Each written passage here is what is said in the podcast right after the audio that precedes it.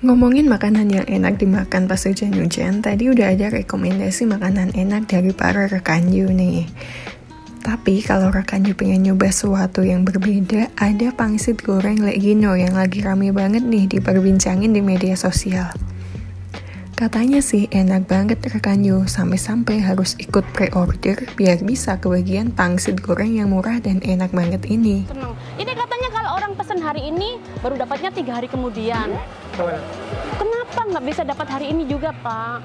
Pannya udah full. Full nggak? Iya.